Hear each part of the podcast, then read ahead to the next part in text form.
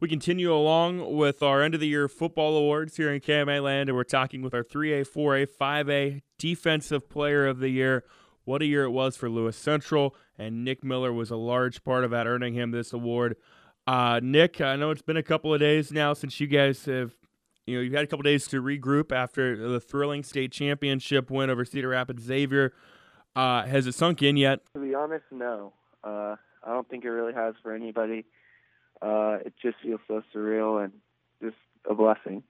Yeah, absolutely. Hey, it doesn't have to sink in yet. There's no timeline for when it needs to sink in. It, it I don't think it ever has to sink in.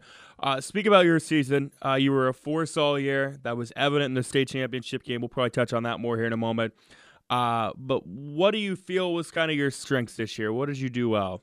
Um, I really thought that I could get to the quarterback well, but that's just also credit to my D line uh, and my linebackers. You know, just getting me one-on-one matchups and those guys doing their job and you know just forcing the quarterback out of the pocket and making him hurry stuff out. And you know that that really just went along with my success so i can't pay enough credit to those guys as well.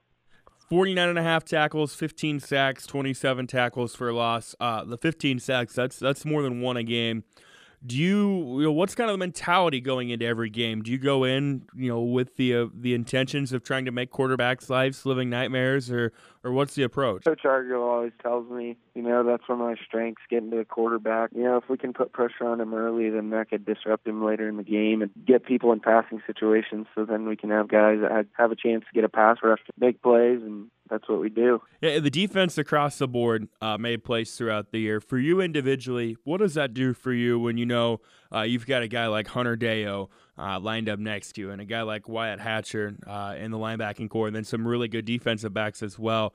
Uh, they're going to step up and make plays because it kind of takes some of the pressure off you. You feel? Oh yeah, for sure. Because you know, like say I don't I don't make a play or something, you know, those guys are right there and they're going to make the play. So it lets you lets you really play a little bit more freely and loose and really get a you know do you have more freedom to just play loose because you know you you just got to trust the guy next to you and know that he'll make the play if you don't. So that we've always talked about. Coach Cameron's always talked about trusting the guy next to you, and I think we really did that this year, and that that went towards everybody's success. I mean, it helped everybody. You know, playing more freely is always better than playing all you know, stressed and worried and tightened up, you know, play loose. So.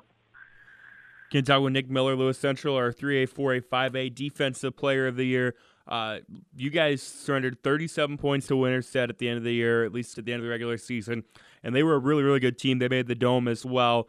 After that, it just looked like a totally different defense. What was it that clicked? Coach Matteo had a talk with us, the, the whole defense after and he said that's not us. We just have to go back to the drawing board. We can't be giving up that many points this late in the season, and that's not who we are. That's not who this program's been. And so we went back to the drawing board and figured out what we did wrong and fixed that, and just went from there. What will stick with a lot of people uh, that, that watch that championship game will be the goal line stand against Cedar Rapids Xavier to win you guys the state title go back to that moment. How are you guys feeling going into that final drive? Uh, I'm sure you had to feel pretty confident yeah, we knew that we always talked about it. We're like, finish the fight. You know, that was our motto. We need to finish the fight because we've been there three out of the last four years, and we just had to finish the finish the fight. And we knew coaches prepared us condition wise, and you know, throughout the summer just to keep going and playing those long games like that. Told each other we're like, it's not over, and it's not going to be over unless we make a stand here. And they guys are like glued together, and we just stopped them, and it was it was great to see that happen the way it did.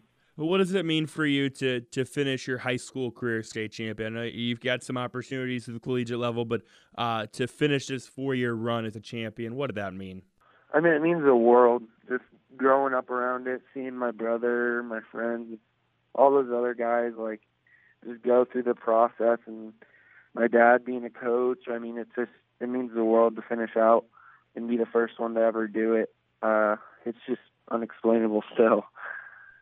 It's Nick Miller, our KMA Land 3A, 4A, 5A Defensive Player of the Year from Lewis Central. Nick, congratulations on a fantastic season uh, and helping lead your team to a state championship. It's been a fantastic career for you as well. Uh, best of luck going forward. Thank you. I appreciate it.